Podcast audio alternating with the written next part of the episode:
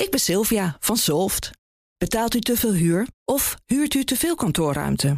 Solft heeft de oplossing. Van werkplekadvies, huuronderhandeling tot een verbouwing, wij ontzorgen u. Kijk voor al onze diensten op soft.nl.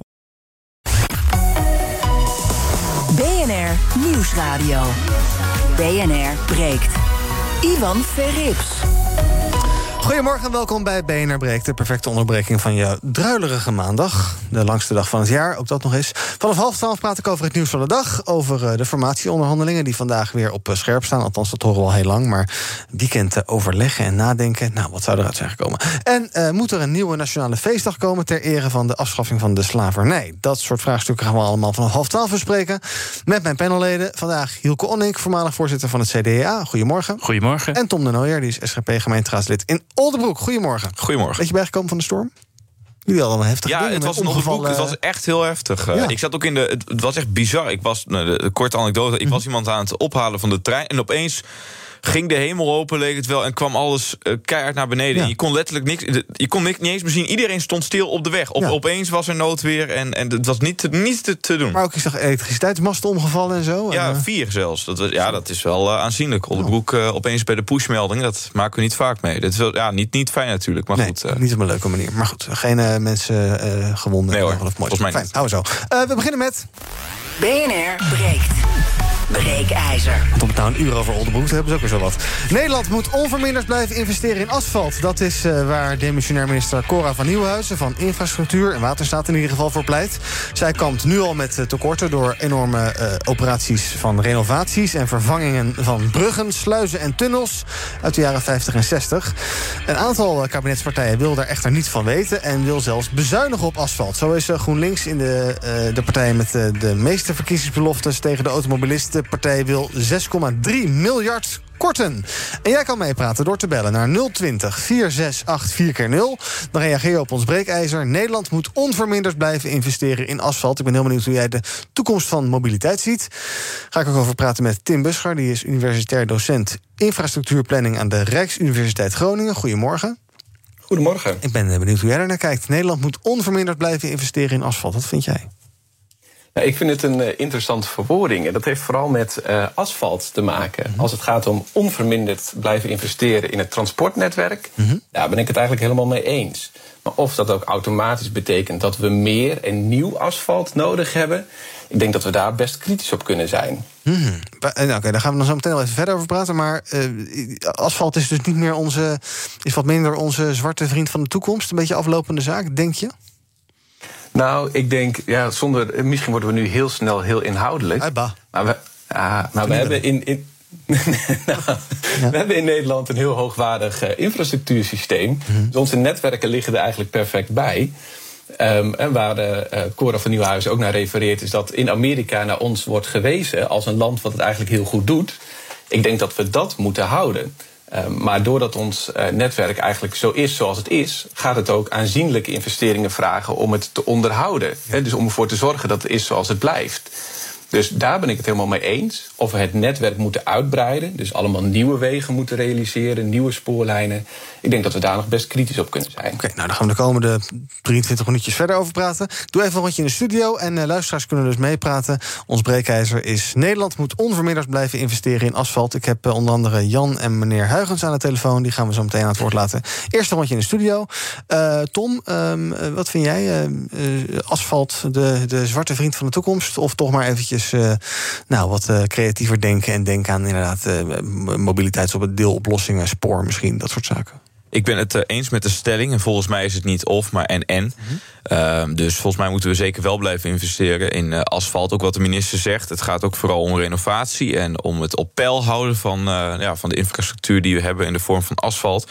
En dat is heel belangrijk. En het valt mij eigenlijk op dat de partijen die zelfs pleiten. Dus al zou je het met, ook met, net met de expert eens zijn van ja of we nou nieuw asfalt aan moeten leggen, dat is de vraag. Maar alleen al het in stand houden vergt gewoon dat je daar geld tegenaan moet gooien. Ja. Er zijn heel veel partijen die erop willen bezuinigen. En dat snap ik echt niet. Er zijn vooral ook partijen die een kiezerspotentieel voor andere Randstad hebben. Maar ja, ik, ik ben hier in de studio gekomen door eerst nog even een kwartiertje naar mijn sprint te fietsen. Mm -hmm. uh, dus dat geeft wel aan. Niet voor, niet, iedereen, niet voor iedereen is het station heel erg dicht in de buurt. Dus uh, ik snap ook wel dat de voorkeur vooral ook op het platteland zeker uitgaat naar, uh, naar asfalt. Dus dat moeten we in stand houden. En niet zomaar willen wegbezuinigen. Want ja, dat is makkelijk, want we hebben toch spoor. Zo Mhm. makkelijk is, gaat het niet. Dus het is en en blijf investeren in uh, infrastructuur. Ja. Hielke, ik geloof dat de moederpartij van het CDA, waar je voorheen bij betrokken was, Mhm. het CDA niet wil bezuinigen op asfalt. Dus ehm, jij ook niet? Nee, begrijpelijk. Want kijk, we krijgen gewoon een enorme toename nog in bevolkingsgroei. Dus de, onze, onze infrastructuur slipt dicht. Ik sta er zelf een beetje dubbel in. Ik kom van het platteland en woon nu in Den Haag. Nou ja, als ik in Den Haag zou ik best wel eens willen dat er wat auto's en uitlaatgassen verdwijnen. Dus investeer daar, denk ik, dan in zo'n light rail bijvoorbeeld. Of meer fietsen. Maar ja, dan ga ik naar mijn ouders toe. Dan, dan na Zwolle zit ik nog uh, drie kwartier op de provinciale wegen. En denk ik, nou, potverdikke, hier kan ook nog wel even een weg uh, omgetoverd worden tot een snelweg. Mm -hmm. Dus volgens mij moet je heel erg goed kijken naar het, het verschil in Nederland, hoe de infrastructuur in elkaar zit. En zou je in stedelijke gebieden misschien eerder kiezen voor meer, meer trein, meer spoor. Um, en juist in de provincie nog echt wel voor asfalt, omdat dat gewoon sneller en, en toegankelijker is. En er ook geen natuur uh, echt aan kapot gaat. Ja, en misschien dus niet zozeer dan nieuwe wegen, maar dan misschien een en ander wat een beetje upgraden, uitbreiden, dat soort werk. Dus zie ik jou suggereren. Uh, je eigen ervaring. Ja, ja, ja. ja zeker. Ja. Ik ga een paar bellers aan het woord laten. Um, Jan, goedemorgen. Jan, goedemorgen. Hey, dus de echo. Ja. Zeg het maar. Van de, van de Kraat, ja. Ja. Ja, ik ben uh, Jan van der Kraat. En mijn uh, idee is gewoon... blijf thuiswerken zoveel mogelijk. En uh, maak fietspaden ontstrest en uh, geniet van je meer vrijheid thuis. En het heeft uh, en veel mensen zijn daar gelukkig mee. En uh, alleen de belangrijkste ideeën aanleggen wat nodig is, asbest. Want het geeft je rust en, en, en, en, en, en fietsen is zo gezond. Ont, stress alsjeblieft, ontstress alsjeblieft. Dus. Duidelijk. Dankjewel Jan voor het bellen. Jij zegt uh, vooral lekker veel fietsen. Meneer Huigens, goedemorgen. Ja, goedemorgen. De vraag of er meer asfalt bij moet komen. Nou, liever niet, denk ik. Mhm. De vraag is, hebben wij een stip op de horizon? Willen wij nou terug naar wat we tien jaar geleden hadden? Tussen, tussen 7, 8 allemaal weer in de auto springen. Allemaal één leng en allemaal dezelfde weg op. Nou, ik zou er tegen zijn. Laten we toch eens meer propaganda maken voor een vernieuwing. Dat we meer thuiswerken. Ja. Dus dat ook de kantoren daar worden opgericht. Maak daar eens reclame voor. En waarom doen we dat niet? Dus een stip op de horizon. En alle gevolgen, nadelige gevolgen voor meer uh, asfalt. Mm -hmm. Van Utrecht uh, naar Amsterdam heb je vier, vijf banen. Is dat het beeld van Nederland? Ik denk dat we meer aan vernieuwing moeten doen. En ze zitten nu bij elkaar voor, voor, uh, voor een nieuw kabinet. Ik hoor er niks over. Ja. Waarom blijft dat zo lang stil? Waarom wordt er daar niet meer aandacht aan besteed om het op die manier op te lossen? De horizon, de stip op de horizon voor de toekomst. Ja, Tim, meneer Huigens mist een uh, stip op de horizon. Is dit misschien een uitgelezen moment nu, hè, nu we een beetje uit corona uh, lijken te komen... en allemaal weer beter gaat, om daar eens uh, goed over na te denken? Ja, daar ben ik het eigenlijk helemaal mee eens. Dus die stip op de horizon is voor mij eigenlijk een visie. Mm -hmm. Dus waar willen we eigenlijk met ons transportnetwerk naartoe ontwikkelen?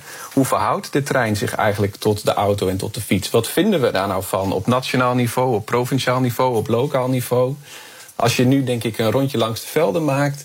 Um, wat dan enorm opvalt, is eigenlijk het algehele gebrek aan zo'n stip op de horizon, ja. aan visie. Dus we doen maar wat. Ja, en dat zijn boodschappenlijstjes. Iedereen heeft zijn eigen project. Dat moet op de een of andere manier gefinancierd worden. Daar wordt een heel circus omheen opgetuigd om dat voor elkaar te krijgen. Maar het grotere idee, en waar werken we naartoe? Dat ben ik helemaal eens. Dat, dat zien we niet en dat is er ook maar heel beperkt. Ja. Jij zei eerder, we hebben, uh, we hebben eigenlijk best een perfect uh, goed werkend infrastructuursysteem in ons land. maar dat kost dan dus ook wel wat om, om dat te onderhouden. nou zegt de minister ook, ja, we hebben enorme uitdagingen op het gebied van bruggen en sluizen en tunnels. Allemaal kunstwerken uit de jaren 50 en 60. Zijn dat, is dat inderdaad, ja, is er een soort backlog aan enorme achter, achterstallige onderhoud die op ons afkomt? Nou, nee, niet eens zozeer achterstallig onderhoud. Dus onderdeel van het op peil houden is dat we dat eigenlijk heel goed en ook weer veel beter dan in veel andere landen scherp hebben wat, uh, waar en wanneer we moeten gaan investeren. Dus we zien eigenlijk aankomen dat er op, de, eh, op, op korte termijn een behoorlijke vervangingspiek aan zit te komen. Dus dat vraagt enerzijds om enorme investeringen. Mm -hmm. um, anderzijds vraagt het ook om slimme investeringen. En ik denk dat dat ook nog een grote uitdaging is. Dus als je bijvoorbeeld een brug gaat vervangen, de Merwedebrug, laten we dat als voorbeeld nemen. Hou je die dan helemaal intact zoals die nu is? Of ga je nieuwe klimaateisen meenemen? Ga je nadenken over slimme combinaties met verschillende typen infrastructuur? En ook dat past eigenlijk weer in, in de oproep om een, om een visie. Hoe verhouden die verschillende onderdelen zich tot elkaar? Niet alleen met nieuwe aanleg, maar ook met, uh, met vervanging. Ja, dat, dat, de, de regie ontbreekt eigenlijk. Ja. Wat zijn er voor klimaateisen aan een brug te stellen? Dat is toch gewoon een stuk metaal waar je overheen rijdt? ja, nou dat is. In, in, de, in de basis is dat inderdaad het geval. Alleen het punt is, we willen dat bijvoorbeeld steeds meer circulair doen. Uh -huh. En staal is een hele goede manier om circulair te bouwen, want dan kun je omsmelten tot iets nieuws. En dan kun je er weer iets, en dan kun je er weer iets anders van maken. Um, punt is alleen, veel bruggen zijn, tegen, uh, zijn twee dingen. Uh, stalen bruggen zetten uit. Dus dat is vervelend, vooral als het warm wordt. En klimaat, een klimaatverandering betekent eigenlijk ook dat de zomers ook in Nederland steeds warmer worden. Dus dan zou je steeds meer verstoring krijgen op het netwerk. Dus dat is één ding. En het andere is dat veel bruggen, uh, veel bruggen viaducten, tunnels, er zit ook heel veel beton in. Mm -hmm. En als iets onduurzaam is, dan is het eigenlijk werken met beton. Ja. ja. Maar dat kost natuurlijk ook allemaal weer geld om dat uh, een beetje duurzaam te maken. Absoluut. Uh, ja, nou, oké. Okay. Uh, Tom, stel dat we na gaan denken over. ik ben nu, dus nu pas dat ik Tim en Tom heb, best leuk. als we na gaan denken over nieuwe manieren van, van vervoer. wat, waar, waar zie jij dan het meest in? Zie jij jezelf in deelauto's rijden en stepjes en deelfietsen en scooters en dergelijke? Of is dat leuk voor misschien in grote steden of zelfs daar niet? Hoe, hoe zie je dat voor je? Nou, met innovatie is natuurlijk veel mogelijk. En uh, de mensen die vroeger nog uh, met uh, kar en paard reden, als je die had verteld over de auto's, hadden die die ook voor gek verklaard. Dus ja. in die zin, dat is ook wel iets, een soort van houding die je moet vastnemen deze discussie. En dat je ook niet per se hoeft vast te houden per se aan de huidige vorm. Het gaat er alleen om, wat er nu voor ligt, dat we heel erg um, afstappen van asfalt. Terwijl het volgens mij nu niet mogelijk is, omdat het, omdat het veel, voor veel mensen onwerkbaar is. bevolkingsgroei gaan we krijgen. Um, dus mijn pleidooi is om daar wel in te blijven investeren. En wat er in de toekomst mogelijk is, nou ja, ontwerpdingen, zet het op de agenda. Uh, die stip op de horizon is wel belangrijk. Dus uh, betrek het inderdaad ook bij de formatie. Kan ik me geel bij aansluiten. Alleen heeft mijn partij op dit moment niet zo heel veel mee te maken. Nee. Uh, wat ik nog wel zou willen toevoegen aan een discussie is, en dat kwam net ook al even voorbij, stond ook in het Telegraafartikel, is dat ja, de, vooral dus de linkse partijen waren die en dus hun kiezer, die willen op, op uh, asfalt willen bezuinigen. Sowieso willen, willen bezuinigen volgens mij op infrastructuur. Die hebben en hun kiezerspotentieel er niet zitten. Maar dat zijn ook tegelijkertijd de partijen die wel continu oproepen tot alles klimaatbestendig maken, -hmm. duurzaam, dit en dat. Uh, ja, en dat heeft ook een prijskaartje. Alleen ja. die partijen zijn tegelijkertijd niet bereid om daarvoor te betalen. En dat vind ik dan wel een beetje, nou, niet het eerlijke kant van het verhaal. Beetje hypocriet? Nou, nou wel, wel dubbel, ja. ja. ja. BNR breekt. Ivan Verrips. Met vandaag in mijn panel, je hoorde me net, Tom de Nooijer, SGP-gemeenteraadslid bij Oldenbroek. Ik leg steeds de klemtoon verkeerd, denk ik, hè? Oldenbroek, Oldenbroek. Nou, buitenstaanders zeggen meestal Oldenbroek, maar wij zeggen gewoon Oldenbroek. Oldenbroek, oké. Okay. Dus dit was wel goed. Het is toch een Oldenbroek, oké. Okay. En Hilke Onink, voormalig voorzitter van het CDJA. En ook bij met Tim Buscher, die is universitair docent infrastructuurplanning aan de Rijksuniversiteit Groningen. En we praten over ons breekijzer. Nederland moet onverminderd blijven inzetten op asfalt. Wil je reageren, pak je telefoon en bel 020 468 4x0. En doe het ongeveer nu, want we praten er nog een minuutje of zeven over. 020 468 4x0. Ruben, goedemorgen. Ja, goedemorgen. Zeg het maar, vanuit de auto of niet? Ja, vanuit de auto. Heerlijk, ja, op het zwarte asfalt? Op het zwarte asfalt. Ja. Want, uh, nee, ik ben het wel eens met de stelling inderdaad. En uh, ik vind inderdaad dat, uh, dat infrastructuur is een belangrijk iets voor je land. Mm. voor de economie.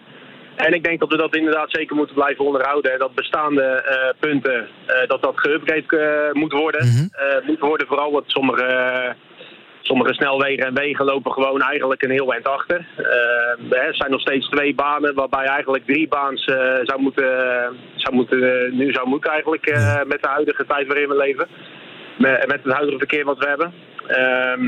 Ehm, dus ja, dat, uh, ik denk dat dat belangrijk is. Ik denk dat we wel moeten gaan kijken naar de betaalbaarheid uh, inderdaad van, uh, van, dat, van dat goed. Mm -hmm. En ik denk dat we ook moeten gaan naar het gebruik van, van, van de mobiliteit. En nu is het nog steeds dat je, als je het bezit, het bezit wordt belast. Ja. Ik denk dat, het, dat heel veel Nederlanders inderdaad ja, prettig ook zouden willen als, het, ja, als je gaat betalen voor het gebruik van, van de mobiliteit. Rekeningrijden. Ja, precies. Ja, ja de discussie weer. En uh, ja, het is niet, uh, voor mijn geval zou het niet interessant zijn uh, voor mijn business. Maar ja, ik vind wel zo eerlijk ten opzichte van de, van de rest van de, van de mensen... dat als je gewoon betaalt voor het gebruik van je mobiliteit... in plaats van het bezit daarvan. Ja. Tim, is dat iets wat bij de afdeling infrastructuurplanning hoort niet echt, hè, denk ik? De, de, de, de, de, goed, de bekostiging misschien wel, maar hoe mensen daar individueel voor betalen? Nou ja, het past wel in de bredere discussie over hoe infrastructuur gebruikt wordt. Dus het is wel een discussie die inderdaad veel wordt gevoerd. En als ik het begrijp, is het ondertussen geen punt meer, eigenlijk geen punt van discussie meer. Ook, uh, ook op de formatietafel. In de zin dat de meeste partijen inderdaad dat wel willen. Um, dus betalen voor het gebruik van mobiliteit, ja vanuit, vanuit de theorie heeft dat eigenlijk alleen maar voordelen. En dan wel de meest extreme vorm. En daar zijn mensen toch vaak wel weer dan tegen. Dat je ook uh, uh, gaat prijzen op waar je op welk moment rijdt. Dus inderdaad, als je in, op een druk, drukke snelweg om negen uur s ochtends zit, zou je theoretisch meer moeten gaan betalen dan wanneer je op een plattelandsweggetje achteraf om vier uur s middags zit, bijvoorbeeld. Lijkt je dat een goed idee, Hulke? Het lijkt mij heel complex worden, maar dat rekening leiden, dat is ook wel een gebrek aan solidariteit. Want er zijn gewoon uh, beroepen waar je een auto voor nodig hebt. Mhm. Dat ten eerste. En ten tweede zie je dat ook in hoe meer geld je hebt, hoe makkelijker jij je kan vestigen dicht bij je bedrijf. Dus uh, waar je werkt. Dus dan kan je een fiets pakken. Terwijl ja, heb je een wat lager inkomen. Ik vind Amsterdam een heel goed voorbeeld. Ja, mensen met een laag inkomen of middeninkomen zijn bijna allemaal naar Almere of naar de steden buiten, buiten Amsterdam eh, weggejaagd. En die krijgen dan straks die kosten. Dus ja, ik ben niet zo fan van rekeningleiding, maar ik vind het gewoon niet solidair. Nee. Ehm, ik zag, eh, Tim, op de website van de Rijksoverheid... Uh, daar hebben ze een mooie uh, plannen allemaal opgeschreven... wat ze dit jaar van plan zijn. Uh, ja. Er wordt er 3 miljard voor aanleg en uitbreiding van wegen is er gereserveerd. 1,9 miljard naar aanpassingen op en rond het spoor. 1,3 miljard naar de Nederlandse vaarwegen. Nou, dat valt dan een beetje buiten de scope van vandaag. Ehm, ehm, als jij mocht meedenken over de plannen voor volgend jaar... Waar, waar zou je dan dus inderdaad de, de nadruk op leggen? Nou, ik denk, ik, ik, ik wil eigenlijk aansluiten bij de claim voor innovatie. Dus daar hebben we in het begin een beetje over gehad. Uh, aan de ene kant ben ik het helemaal eens met het punt wat wordt gemaakt... dat innovatie, zeker in het veld van mobiliteit, vaak langzaam gaat. Dus het duurt lang. Uh, het, zijn, het zijn kleine stapjes, heel incrementeel gaat dat vaak. Aan de andere kant biedt dat misschien juist als Rijksoverheid mogelijkheden... om wat radicaler te denken. En een van de meest radicale dingen die ik dan kan bedenken is de Hyperloop. Mm Dus dat is echt een, een nieuw type transportinfrastructuurnetwerk wat ongekende uh, potentie heeft, wat we heel spannend vinden. Um, en waar we eigenlijk maar heel mondjesmaat over nadenken. Dus zulk soort innovaties, dus wat, wat extremer dan, nou misschien moeten we naar de deelauto gaan, of misschien wat extremer dan uh, programma hoogfrequent spoor, maar echt, echt een flinke stap waarbij je als overheid ook een risico durft te nemen. Niet met het idee dat het per definitie een groot succes wordt, maar vooral vanuit het idee om een soort signaal af te geven van jongens, we moeten verder. Als we doorgaan zoals we blijven doen, dan weten we zeker dat we de klimaatdoelstellingen niet gaan halen. Dat hm. staat vast. Alle onderzoeken laten dat zien. Dus om dat aan te laten, om, om zo'n discussie aan te zwengelen, nou ja, extremere suggesties, extremere maatregelen, dat zou ik dan graag voorstellen. Ja, ook om een beetje voorop te blijven lopen en uh, innovatief te zijn. Wat kost een kilometer snelweg? Een kilometer, dat hangt er erg vanaf waar die wordt aangelegd. Mm -hmm. Maar in welke range moeten we denken? Nou, uh, kijk, waar we, uh, het ingewikkelde aan snelwegen is dat we de grootste behoefte, en dat werd eigenlijk eerder ook een beetje aangestipt, vooral op de plek is waar veel mensen wonen. Ja. En daar is dus al heel veel druk op de ruimte. Dus als je bijvoorbeeld naar het stukje eh, A4 Midden-Delfland kijkt, dat is eigenlijk het duurste stukje snelweg wat we kunnen bedenken. Dat is maar een paar kilometer en heeft ongeveer een miljard per kilometer gekost. Ja. Nou ja, dat zijn enorme kosten. Um, en dat zit dan ook heel veel in extra onderzoek, in ingewikkelde uh, uh, civiel-technische oplossingen die nodig zijn om dat toch nog mogelijk te maken. Um, een kilometer snelweg kan veel goedkoper, mhm. maar is uiteindelijk altijd duur. Ja, want als je het afweegt dan tussen, als je zegt ja, je moet gaan kiezen tussen toch uh, asfalt of spoor, waar, waar, hoe, hoe valt dat dan financieel uit? Um, dan blijft eigenlijk een beetje hetzelfde. Het ingewikkelde aan spoor is dat dat ook ingeklemd zit. En zeker in een stedelijke omgeving. Dus het, de, de ruimte rond het spoor is er vaak niet meer. Trein, uh, dus, Ehm, ook het spoor is verhoudingsgewijs duur om, in te duur om in te investeren. En vaak ook duurder dan snelwegen. Ja, het is gewoon altijd heel erg duur dus. Dus ja, nee, ja. het is heel simpel. Het gaat al snel over, eh, over honderden miljoenen. Ja. Hielke, zie jij het zitten, een eh, Hyperloop? eh, lekker snel in een eh, kwartiertje of twee naar Parijs? Ja, lijkt me wel vet. Zeker. Ja? Maar Nee, moeten we, daar, moeten we daar serieus in investeren als, eh, als met z'n allen zijnde? Ja, je moet altijd eens investeren in innovatie. Want als die Hyperloop straks in Nederland staat of in Nederland wordt geproduceerd, dan verdienen wij er ook natuurlijk vet veel aan. Ehm, maar ik denk hè, voor de, de oplossing van infrastructuur, kijk nou ook eens of je niet meer werkgelegenheid en woningbouw naar de regio kan verplaatsen. Want in de provincie Groningen, zo'n snelweg aanleggen of een trein is maar gewoon de helft zo duur of goedkoop als in de randstad. Dus je ontlast daarmee de randstad en je bouwt veel goedkoper. Eh, en dat lijkt me nog wel eens te vergeten. Ja. Ehm, Tom, waar zou jij wel heen willen met de Hyperloop?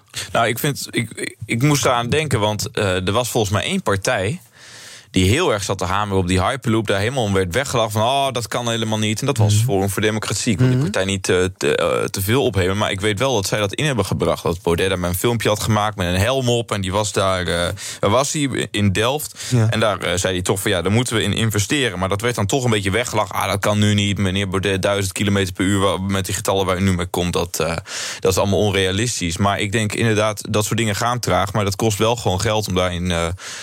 als je zegt dat innovatie je wat waard is, dan kost dat ook geld. Ja. Dus, eh, en sowieso, eh, om mee af te sluiten, want volgens mij zitten we nu een beetje aan het einde van het half uur. Heel goed. Maar laten we niet vergeten dat eh, we per jaar ook nog gewoon 4 miljard kwijt zijn aan uh, filerijden en bijbehorende uh, reistijdverlies. Dat kost de samenleving gewoon heel veel. Dus het geld wat je ook in asfalt en ook in infrastructuur pompt, krijg je natuurlijk niet helemaal, maar wel gedeeltelijk terug. Dus volgens mij zijn het ook wel, e-, is het ook wel effectief om erin uh, te investeren. Naast dat het sowieso heel belangrijk is. Dank Tom en ook dank Tim, universitair docent infrastructuurplanning aan de Rijksuniversiteit Groningen. En ja, conclusie is toch een beetje, denk ik, dat we toch heel terughoudend moeten zijn met allerlei nieuwe aanwegen, wegen aanleggen.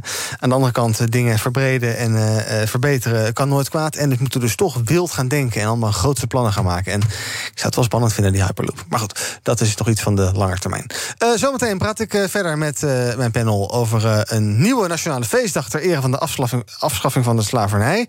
En over de formatieonderhandelingen die vandaag weer op scherp staan. Zometeen in het tweede deel van BNR Breek. Tot zo.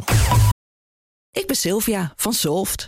Betaalt u te veel huur of huurt u te veel kantoorruimte? Solft heeft de oplossing. Van werkplekadvies, huuronderhandeling tot een verbouwing, wij ontzorgen u.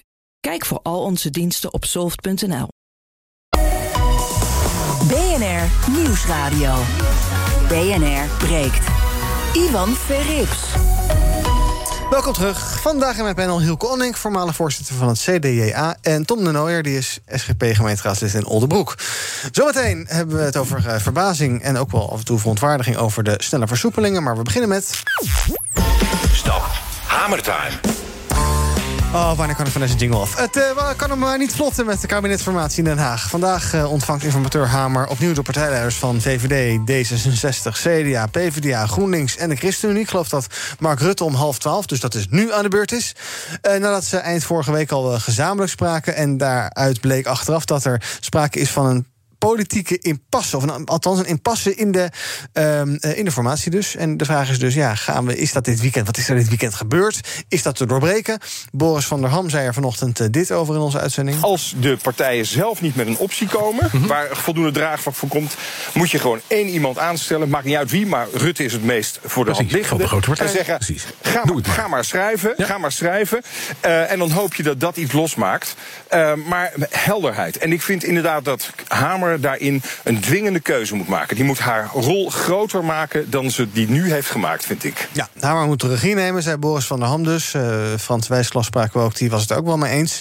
Um, Even, ja, ik denk dat jullie ook niet heel veel blikken achter de schermen hebben in Den Haag. Maar het was dus dat dit weekend een soort van werd nagedacht. En iedereen moest even aan retrospectie doen. En uh, ja, er moest een soort van natuurlijk, op een natuurlijke manier een doorbraak bereikt worden. Nou, misschien is dat gelukt. Ik denk het niet. Uh, enig idee hoe nu verder? En beter maar eens dat Hamer inderdaad nu moet doorpakken en zeggen: Oké, okay, ja, we kunnen nog weken zo lang door blijven ouwe hoeren. Maar uh, we moeten er een keer een punt achter gaan zetten. Het zit eigenlijk al twee maanden op dezelfde manier vast. Hè? Van VVD, CDA willen niet met twee linkse partijen. En uh, D66 wil niet met de ChristenUnie. En niemand wil toegeven. Nou, dan denk ik inderdaad van stop dan gewoon met deze formatie. En pak dan als grootste partijen nu eindelijk een keer gewoon zelf je verantwoordelijkheid. Dan denk ik aan D66 en de VVD. Die uh, en gaan met elkaar inderdaad gewoon dan maar wat schrijven. En kijk dan maar wie er wil aansluiten. En als er niemand wil aansluiten, dan ga je verder met een minderheidskabinet. Dan zoek je op onderdelen steun. Dat heb ik hier ook al vaker gezegd. Want er zijn ook heel veel kleine partijen, zoals de SGP van Tom, die best constructief af en toe willen meedenken. En dan gaan we eens op die manier aan de slag. Heb je wel nu ook gelijk een nieuwe bestuurscultuur. Ja, dus dat maar tot, tot in de oneindigheid doorzoeken naar, naar een meerderheid. Dan moet je dan dat je ook maar mee stoppen. Uh, dit weekend was om eindelijk te stoppen met dat armpje drukken. Wie krijgt zijn zin? En dat is volgens mij gewoon niet gebeurd. Nee. Daarom zitten we hier nog weer. Nou, dan, dan kom je achter dat we het ook niet meer gaat lukken. Uh, en moet je op zoek naar andere manieren om tot een, tot een formatie te komen. Ja, ben je het ermee eens, Tom? Ja, want hoe debiel zijn we dat we denken dat er nu iets gaat veranderen of zo. Continu loopt iedereen zich achter elkaar te verschuilen. Dat is wat er aan de hand is. En niemand is zo gek om als eerste toe te geven. Dat snap ik ook wel voor een Jesse Klaver, voor een Ploemen, voor een, een, een, een Kaag. Dus dat is niet zo verwonderlijk. Wat je nu moet doen is nu zeggen: ja, jongens, dit werkt niet. En dit, want er is ook geen enkel perspectief om maar eens even een corona-uitdrukking te gebruiken. Want dit kan over een maand nog precies hetzelfde zijn. Wat moet er nu een doorbraak forceren? Het belangrijkste nieuws in de formatie was: oh, bepaalde opties vallen af omdat Pieter Omtzigt niet meer bij het CDA zit. Dus dat is de snelheid waarmee het gaat. Wat je nu moet doen, volgens mij, is dat je met die grote partijen bij elkaar gaat zitten. Ik zou zeggen, de CDA gaat gerust ook aanschuiven. De VVD wil jullie dolgraag. En ga dan met z'n drieën schrijven. En dan is het simpel. Dan gaan we even een paar viertjes maken. Dan zeggen we dit en dit is zo cruciaal voor die drie partijen. Voor het motorblok gaan we het dan noemen. Dit moeten die drie partijen sowieso geregeld zien. En dan gaan we dat individueel voorleggen aan die partijen. Dan gaan we dat doen met de Partij van de, Partij van de Arbeid, GroenLinks, ChristenUnie. Ja. ja, in de 20 gaan we ook nog even meepakken. Dat zijn de vier waar het om gaat volgens mij. Um, uh, en dan gaan we zeggen wie van deze partijen vindt dit nu voldoende reden om, om, om, om daarmee te gaan praten. Want we weten sowieso die drie partijen, laat ik het CDA voor het gemak maar nog even meerekenen, want die hebben toch nog steeds uh, 14 zetels in de Kamer met omzicht eraf. Nu, nu is nog 15 met Bondbal. Ja. Dus en ga dan en dan kun je gaan formeren. Dan doorbreek je dit, want niemand voelt zich geroepen om zich nu niet meer te verschuilen achter die ander en dan maar te zeggen: Nou, nee, hè, we, GroenLinks uh, als Jesse Klaver zijnde, we hebben ons, uh, ik heb gezegd dat we met Ploemen samen wilden, maar laten we nu dat maar loslaten. Waarom zou hij dat doen? Er is geen enkele aanleiding om dat aan te nemen van geen, enk van geen enkele partij. Dus doorbreek het nu, ga met drie partijen praten, een uh, paar viertjes op hoofdlijnen en dan aan alle individuele partijen voorleggen wie wil er nu praten en dan gaat het motorblok kiezen. En zo gaan we er komen, want op de huidige manier kan het echt niet meer verder. Nee, um, want, want inderdaad, door, zo doorweken, dat gaat dus niks opleveren, denken jullie allebei? Natuurlijk niet, iedereen nee. verschuilt zich. Precies. En nog even benieuwd, de rol van het CDA, waarom vind je die zo essentieel? Nou, omdat de VVD vanaf dag 1 al gezegd heeft... Uh, na de verkiezing dat ze heel graag met het CDA wil. Dat snap ik wel. Bestuurderspartijen doen vaak samen mee. Verhoudingen zullen onderling waarschijnlijk gewoon heel goed zijn. Uh, en dat is ook belangrijk, denk ik, voor de bestuurbaarheid. Uh, dus zodoende denk ik van... ja, het CDA hoeft zich ook niet te verschuilen achter een slechte peiling van gisteren. Ze hebben nog 14 zetels, of 15 zetels, worden er misschien 14 in de Kamer. -hmm. dat zijn er een, een, hele hoop. Ja, de PVV doet niet mee. Dat is de derde partij van het land. Het CDA kan gewoon regeren. Hoeft niet, daar eigenlijk me ook aan elke partij, dus dat is niet exclusief CDA. Maar Rutte zegt, ja, we, moeten, we zijn voorzichtig met het aangeven van de opties. En het CDA zegt, nou, we willen ons huid duur verkopen. Dus ja, we hoeven niet per se te regeren. Het CDA moet ook niks. Ja, nee, maar het CDA nee, nee, deze, wil deze verkiezingen heeft de kiezer gekozen... voor nieuw leiderschap in combinatie met Mark Rutte. Twee liberale partijen. Het CDA is geen liberale partij, het is een christendemocratische partij. Dus ik denk, hè, we hebben weer wat meer ideologische tijd... kunnen we wel gebruiken in de Tweede Kamer. Nou, die twee liberale partijen van dezelfde familie... komen eerst dan maar zelf uit. En kijk dan weer aansluiten. Want er zijn meerdere opties. Er zijn ook opties zonder het CDA. De kiezer heeft in ieder geval niet gezegd... het moet het CDA het moet, moet per se. Want dat heb, je, dat heb je niet in de uitslag gezien. Ja, maar het is een heel het is een en er heel zijn meerdere opties. Er zijn, er, er, nou, als je kijkt naar fam, families in de politiek... -hmm. Dan zie ik dat voornamelijk uh, Liberaal heeft flink gewonnen. Ik reken daar eigenlijk ook wel Volt onder. Dat is toch een beetje de jongere organisatie van D66. Nou, dan heb je die. En dan heb je de twee linkse partijen die aan elkaar vast hebben houden. Dan heb je een sociaal-liberale meerderheid. Ja, het is gefragmenteerd, maar puur terug naar ideologische stromingen eh, heb, je, heb je aan twee stromingen genoeg. Tuurlijk heeft het liberale blok gewonnen en heeft het uitgesproken linkse blok uh, verloren. Maar je zou ook kunnen zeggen, ja, de, de PVV heeft zich redelijk gehandhaafd. Forum voor Democratie, een pro-familiepartij heeft gewonnen. Wil ook het, het uh, ja, die wil het uh, belasting, discriminatie van eenverdieners aanpakken. Ja, in de 20 heeft het goed gedaan, et cetera. Dus je kunt overal wel weer een berekening op loslaten. Punt is gewoon dat je je niet hoeft te verschuilen. Nou, laten we nu maar eens een keer oppositie doen, omdat we een paar zeteltjes hebben verloren. Alles heeft een beetje verschoven. Ik ben het met je eens dat het liberale blok vooral heeft gewonnen. Uh, daarom doet D66 nu ook prominent mee. Maar dat is volgens mij geen reden voor het CDA om achter te blijven. De afgelopen vier jaar hebben ze het ook samen gedaan. Was het volgens mij ook prima. Uh, ik denk dat het CDA eigenlijk best wel wil. Dus verschuil je daar nog niet achter en ga met z'n drieën schrijven. Dan komen we het snelst uit deze impasse en dan voeg je er daarbij. Ik ben heel erg voorstander dat het CDA meedoet. Maar ik vind het wel belangrijk te zeggen... die, die partij hoeft niks in principe. Dus uh, laat anderen maar komen. Tuurlijk, ik ga niet voor het CDA bepalen. Dus als ze, niet, als ze het niet meedoen, ja, dan doen ze niet mee. Maar ik denk als je als VVD en D66 nu samen zegt... nou, we gaan schrijven. Beste CDA, we vinden jullie hartstikke aardig. Ging afgelopen periode goed. Jullie kunnen nu besluiten om aan de voorkant mee te doen. Denk je dat het CDA dan zegt... nou, nee, laten we dat maar niet doen. We wachten wel even af waar jullie mee komen. Tuurlijk niet. Het CDA gaat gewoon meedoen. Die gaat aan de voorkant haar input uh, leveren. Dat is toch het meest logisch. Ja, ik, ik, lijkt mij heel logisch dat je eerst zou willen weten... wat dat nieuw leiderschap nou inhoudt. Want ik dat heb betekent niks, helemaal niks. Ik heb, er nog, ik heb er nog niks van gezien. Dus Nee, laat dat- die liberalen omdat maar zelf niks een- is. Laat die liberalen maar zelf een richting eerst aangeven. En dan, dan, dan aansluiten. Laten we eerst maar wat zelf kijken wat, wat de liberale toekomstvisie van Nederland is. Maar Hilke, je moet wel een keer een keuze gaan maken als CDA zijn. En ik Wanneer zou dus zeggen: van laat, laat eerst die twee partijen samen kijken van hoe het nu verder moet.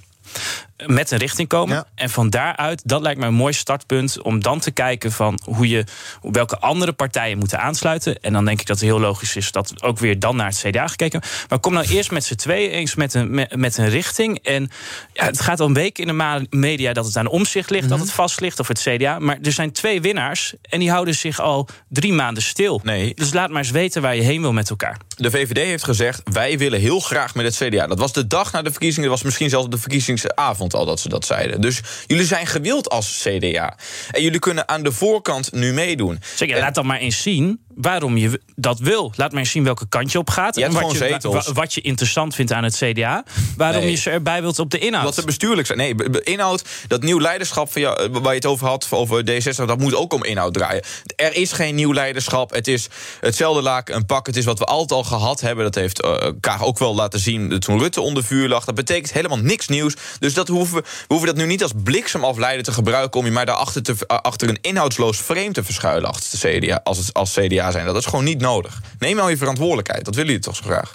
Doe dat dan direct. Maar Dan gaan we niet een wachten. beetje- Nou, eerst schrijven. Nee, doe dus mee. wanneer- jullie, eh, Doe mee. jullie vinden elkaar best wel in heel wat dingen. Alleen de vraag is een beetje wanneer moet je die verantwoordelijkheid nemen dus. Ik, ik- ik vind dat er twee partijen zijn met de grootste verantwoordelijkheid als in D60 en VVD. En die houden zich al drie maanden stil. En die spinnen al drie maanden dat het allemaal aan het andere partijen ligt. Nou, het is nu een keer. eh, pak die pen op en ga schrijven. Oké, nou dan eindigen we het meningsverschil daar. BNR breekt. Want daar gaan we toch niet uitkomen nu. Het is een beetje vroeg, maar je zit er al wel. Thomas van Zel van Zaken doen. Wat ga je doen zo meteen om 12 uur? Goeiedag. Ik ga praten met Desiree Uitzetter. Zij is de voorzitter van de NEPROM. Dat is de Belangenvereniging van de projectontwikkelaars. En dan weet je wel wat er op het menu staat. Namelijk de woningbouw. De plannen eh, die zijn er in overvloed. En de vraag is, worden ze ook allemaal gerealiseerd? Want dat stuit vaak op eh, bezwaren van eh, bewoners, van inwoners van steden. Maar er is ook heel veel te doen over wie nu waar precies verantwoordelijk voor is. Gemeente, provincie, toch het Rijk. En dat allemaal, die discussie zorgt ervoor dat die 1 miljoen extra woningen voor 2030 wel eens een onhaalbare kaart zou blijken te zijn. Nou, daar gaan we het over hebben. Het economenpanel is te gast over rente, over inflatie, over eh, het nut van een herstelplan. Herstelt de economie niet voldoende uit zichzelf? En Hans Obers, een van de oprichters van Ticketswap, dat eh, leek niet op te kunnen, want eh, de handel in tweedehands eh, concerten en evenementen, festivalkaartjes, ja, dat eh, bloeide ontzettend goed. Totdat er geen evenementen meer georganiseerd mochten worden. En dan valt natuurlijk ook de handel in tweedehands kaartjes wel enigszins weg, zoals je zult begrijpen. En toch hebben ze een investeerder aan boord weten te krijgen. Nou, wat dan de nieuwe plannen zijn en hoe je dat voor elkaar krijgt, terwijl je eigen handel volledig op zijn rug ligt. Ook daarover heel veel meer in BNR Zaken doen. Zometeen om 12 uur. BNR breekt. We gaan het hebben over het volgende. Ehm, een eh, feestdag om de afschaffing van de slavernij te vieren. In Amerika is Juneteenth, dus 19 juni sinds eh, vorige week een officiële feestdag. Dat klonk toen zo. Because this is a really, really, really important moment in our history. By making Juneteenth a federal holiday, all Americans can feel the power of this day and learn from our history and celebrate progress and grapple with the distance we've come, but the distance we have to travel, Jim. En in Nederland is er ook een oproep van de vier grote steden. Die zeggen: ja, we moeten wat meer eh, aandacht hebben voor. en betrokkenheid hebben voor het thema slavernijverleden. En dus zou een, eh, nationale feestdag op 1 juli. Um, dat is de dag dat uh, de afschaffing in de slavernij van de Nederlandse koloniën in 1863 werd afgeschaft. Zou een mooie dag zijn om dan een soort nationale feestdag daarvan te maken. Er moet nog meer gebeuren. Ook een landelijk onderzoek naar koloniaal verleden. Er moet een bureau komen dat racisme en discriminatie bestrijdt. Nou, dat soort zaken. Maar die nationale feestdag, dat springt misschien wel het meeste in het oog. Um, is het, is, het, is, het, is het nodig, Tom, dat we hier een nationale feestdag voor oprichten... om deze zwarte bladzijde en vooral misschien ook de bevrijding daarvan... Uh, te vieren of te herdenken? Nee, ik denk het niet. Ik uh, vind het belangrijk dat we stilstaan bij ons verleden. Zwarte kanten, zwarte bladzijden uit, uh, uit onze geschiedenis, dat is belangrijk. Maar om hier uh, nu een feestdag aan te wijden. En dat heel exclusief apart te zetten. Ja, daar ben ik niet zo voor. Er is ook een Kamerdebat over geweest. Uh, Rutte heeft ook gezegd dat. Uh, volgens mij heeft hij dat gezegd. Nee, dat was over excuses maken. Sorry, mm -hmm. dat haal ik nu door elkaar heen. maar ook dat is niet nodig. Ik denk dat. ja, ik, ik vind het een beetje te groot gemaakt. Wat je ziet is nu. De, deze discussie leeft vooral in grote steden.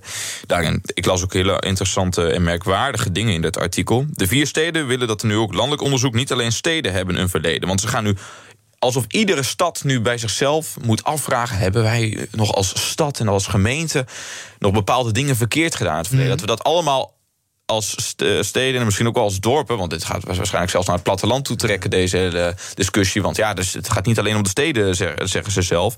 Ja, en op die manier uh, komen we in een heel krampachtige situatie terecht, wat vol, waar volgens mij te groot bij wordt gemaakt. Het is ook iets waar, als het bijvoorbeeld gaat over de discussie van excuses maken, ja of nee, waarbij zowel daders als slachtoffers niet meer leven. Het is echt iets wat we achter ons hebben gelaten om het op die manier zo groot te maken. Je ziet ook waar dat toe leidt. In Amsterdam moesten commissies worden ingesteld allemaal. Eh, Anne Bananninga heeft dat destijds goed gefileerd. Er wordt geld door bepaalde clubjes, eh, door de gemeente voor beschikbaar gesteld. Dat gaat naar bepaalde clubjes toe, waar bepaalde mensen die we elke keer weer terugzien uit een zeer links gedreven ideologische hoek, ja, uh, terugkomen. Daar was geen enkele diversiteit te bekennen. Zo ging het in Amsterdam. Het raadslid van het CDA heeft daar echt korte metten mee gemaakt. Vond ik ook echt goed om te zien. dus volgens mij zien we als we naar Amsterdam kijken, waar deze discussie in uitmondt, dat is een never-ending story. Dat moet maar groter en ideologisch gedreven. Uh, want je ziet ook dat het uh, uh, samen gaat met oproepen van ja, een ruime migratiebeleid en dat soort zaken. Moeten we gewoon helemaal niet aan beginnen. We moeten onze, ons verleden erkennen, ook de negatieve kanten, ja. maar niet het zo groot willen maken met excuses, eigen feestdagen. Dat is echt niet nodig. Dus jij zegt, houdt in het museum eigenlijk, waar het, ja. waar het misschien thuis hoort. En ja, je mag best ook wel daaraan terugdenken, maar met zo'n nationale feestdag lijkt mij absoluut niet nodig. is natuurlijk wel een verschil hè, met herdenken en iets vieren. Ja. Ik, ik ben altijd wel te porren voor een extra vrije dag. Uh, nee, maar kijk, dat, dat, is ook het grote verschil met Amerika. Ten eerste is dat veel multicultureel en veel meer die geschiedenis. Maar het, het, het vieren van de afschaffing van de slavernij, dat heeft, dat heeft ook iets van een, een nation-building karakter. Van, wij, wij, wij, willen ergens met elkaar naartoe en iets zijn. En dat herdenken ziet alleen maar op het verleden. Het mooie aan een feestdag zou kunnen zijn dat je juist met elkaar kijkt: dit zijn onze waarden, wat we met elkaar willen zijn. En dan maak je het inclusief en toekomstgericht. En dan zorg je dat je met elkaar uh, naar binnen sluit. Maar ik snap jouw bezwaren, Tom. En ik zie ook in een Oldenbroek, ja, wat heb je daar nou met slavernijverleden? Nou, weet het niet. Ik, ik denk dat... De... Is dat eens onderzocht? Oldenbroek? Nee, volgens Amsterdam zullen we ongetwijfeld uh, schuldig zijn, maar ja, uh, ik voel me niet zo schuldig. En ik denk dus dat de oplossing is dat we bijvoorbeeld eens gaan kijken, zat ook in het CDA-verkiezingsprogramma, dat je gaat werken met regionale vrije feestdagen. En dan snap ik heel goed dat voor Amsterdam dit bijvoorbeeld een hele een feestdag is die heel erg past bij het multiculturele karakter van Amsterdam. En dat we in, uh, nou, in, in Oldenbroek bijvoorbeeld de, de biddag voor dank en gewas een extra vrije dag wordt bijvoorbeeld. Goed idee? Ja, daar ben ik aan Nee, dat, ik, nou ja, dat, dat, vind ik in ieder geval een veelzinnige besteding van ja. je vrijdagen. Laat ik, het, laat ik dat maar over zeggen. Um, we gaan even kijken wat de trending is in de socials op dit moment ongeveer. Gaan we daarna even kijken wat het nieuws is wat mijn gasten zelf meegenomen hebben. Onder andere uh, op de nummer 1 trending momenteel Jurgen Konings. Dat is een uh, tamelijk gevaarlijke gek. Althans, hij leeft niet meer. Maar voor sommige mensen ook een held. Fascinerend is dat. Hashtag FrenchGP was de afgelopen 24 uur trending. Want hij heeft gewonnen, dus het is onze Max. Uh, hashtag Delta variant. De corona, coronavariant rukt elders snel op. En wat blijkt, AstraZeneca blijkt er nauwelijks tegen te werken. Oeps. LAREP is ook trending. Dat is het bijwerkingencentrum dat sinds 6 juni de informatie op de website niet meer heeft aangepast. En hashtag regen. Het inderdaad. Regen, dat klopt inderdaad. We gaan even kijken naar wat jullie meegenomen hebben als uh, nieuws van de dag. Um, Hielke, jij wil het geloof ik hebben over onze uh, zuiderburen. Ja. Oosterburen. Ik ga vanmiddag de, de, de aankondiging van het verkiezingsprogramma van het CDU... de grootste partij in Duitsland van Merkel in de gaten houden. Over exact, over exact 100 dagen zijn daar de verkiezingen. En het is de laatste grootste partij die het verkiezingsprogramma lanceerde. Twee maanden geleden zat ik hier ook over die mhm, verkiezingen te praten. En toen kwamen de Groenen op met, uh, met Beerbok als hun kandidaat. En heel klommen opeens in de peilingen. Dus dat werd heel interessant van worden de Groenen een keer de grootste. Nou, nu is er heel veel gebeurd de afgelopen uh, maanden. Uh, de Groenen hebben hun verkiezingsprogramma gepresenteerd. Nou, dat viel wel tegen. Mm -hmm. veel belastingverhoging. Het aanpakken van de maximumsnelheid op de snelweg. Nou, dat is iets heiligs in Duitsland. Ja. en er waren verkiezingen in een deelstaat die het CDU heel opvallend won. Uh, maar ook echt dik. En dat wonnen ze. En dat is, je ziet altijd een strijd in die partij. Tussen we moeten zijn voor het midden. Je ziet het ook in het CDA. Of we moeten meer naar rechtsconservatief. En daar hebben ze heel erg gewonnen met het verhaal. Want wij zijn de middenpartij. Uh, en dat heeft de huidige lijsttrekker uh, voor de landelijke verkiezingen, Laschet, die ook van die middenkant is, heel veel wind in de zeilen gegeven. Dus het CDU gaat nu eigenlijk weer heel erg goed. En dit is eigenlijk vandaag is een heel belangrijk moment. want je wil, moet nu als CDU ook met de billen bloot en laten zien welke kant je op wil. En dat is altijd een verkiezingsprogramma is altijd keuzes maken in schaarste. En het grote spannende is van kunnen zij nou ook weer een interessante richting aangeven voor de komende tien jaar? Of is het weer meer van hetzelfde? Eh, waar de kiezer in Duitsland wel heel erg behoefte heeft aan nieuw perspectief. Nou, en als dat vandaag lukt, uh-huh. dan hebben zij eigenlijk de goede kaarten om straks ook weer de verkiezingen in Duitsland te winnen. Ja. Wat verwacht je ervan? Heb je, denk je dat het uh, kan lukken om, uh, om inderdaad ja, een nieuw elan te krijgen en ehm, ehm, nou, inderdaad weer veel kiezers te trekken? Ik denk het wel. Er zit heel veel denkkracht in die partij. En zij zijn ook heel goed om traditie te combineren met innovatie. Uh, dus, dus twee spanningsvelden te verenigen in die partij. Uh, er zijn een klein beetje dingen zijn bekend van het verkiezingsprogramma. En dat is dat het vooral uh, de strijd ze gaan opzoeken in die verkiezingen over belastingen. Zij willen de belastingen voor lage en middeninkomens verlagen. En de strijd aangaan dan met de groenen van ja, zie je wel, jullie, de, de autobezit wordt duurder. En je moet je voor je verpakkingen moet je meer belasting op. En eigenlijk die lage middeninkomens zijn bij ons goed af. En mhm. tegelijkertijd weten wij ook die verduurzaming in gang te zetten. Nou, zien of het lukt. Hoe, mag ik, want ik, ik volg het niet zo goed als jij dat volgt. Uh, maar hoe, hoe, hoe, denk je dan dat bijvoorbeeld uh, die combinatie dan tussen bijvoorbeeld ook de CSU, uh, die is toch wel duidelijk wat conservatief. Ja. ik, ik, ik volg het niet zo goed. Zij, zij hebben een gezamenlijk verkiezingsprogramma mm -hmm. geschreven. Dus dit wordt ook gepresenteerd door die Laschet en ook die leider van het CSU, Söder, waar is nog heel erg strijd was hè, van wie wordt nou onze premierskandidaat of kandidaat. Dus die eenheid is knap genoeg waar dat CDA niet is gelukt. Uh, maar daar gaat dat, is dat eigenlijk heel goed hersteld. Okay. Uh, dus, dus de rust is ook terug in die partij. Mede door die verkiezingsoverwinning in die deelstaat Sachsen-Anhalt.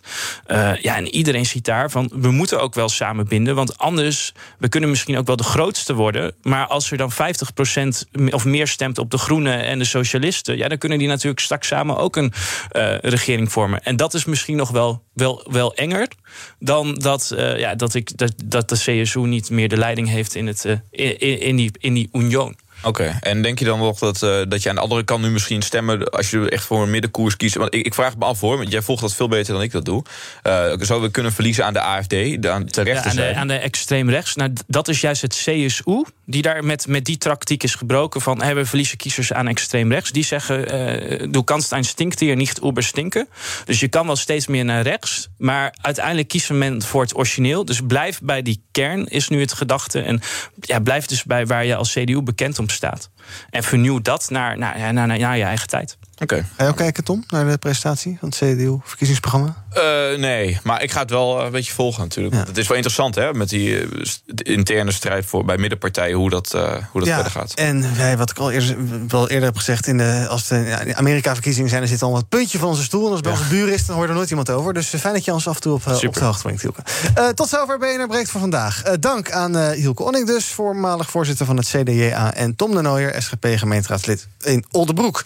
Morgen ben ik er weer. Tot die tijd kan je ons volgen op de socials, op eh, Twitter, Instagram, op YouTube en natuurlijk op eh, bnr.nl. En zometeen is, zoals aangekondigd, Thomas hier met Zaken doen. Tot morgen. Ik ben Sylvia van Solft. Betaalt u te veel huur of huurt u te veel kantoorruimte? Solft heeft de oplossing. Van werkplekadvies, huuronderhandeling tot een verbouwing, wij ontzorgen u. Kijk voor al onze diensten op soft.nl.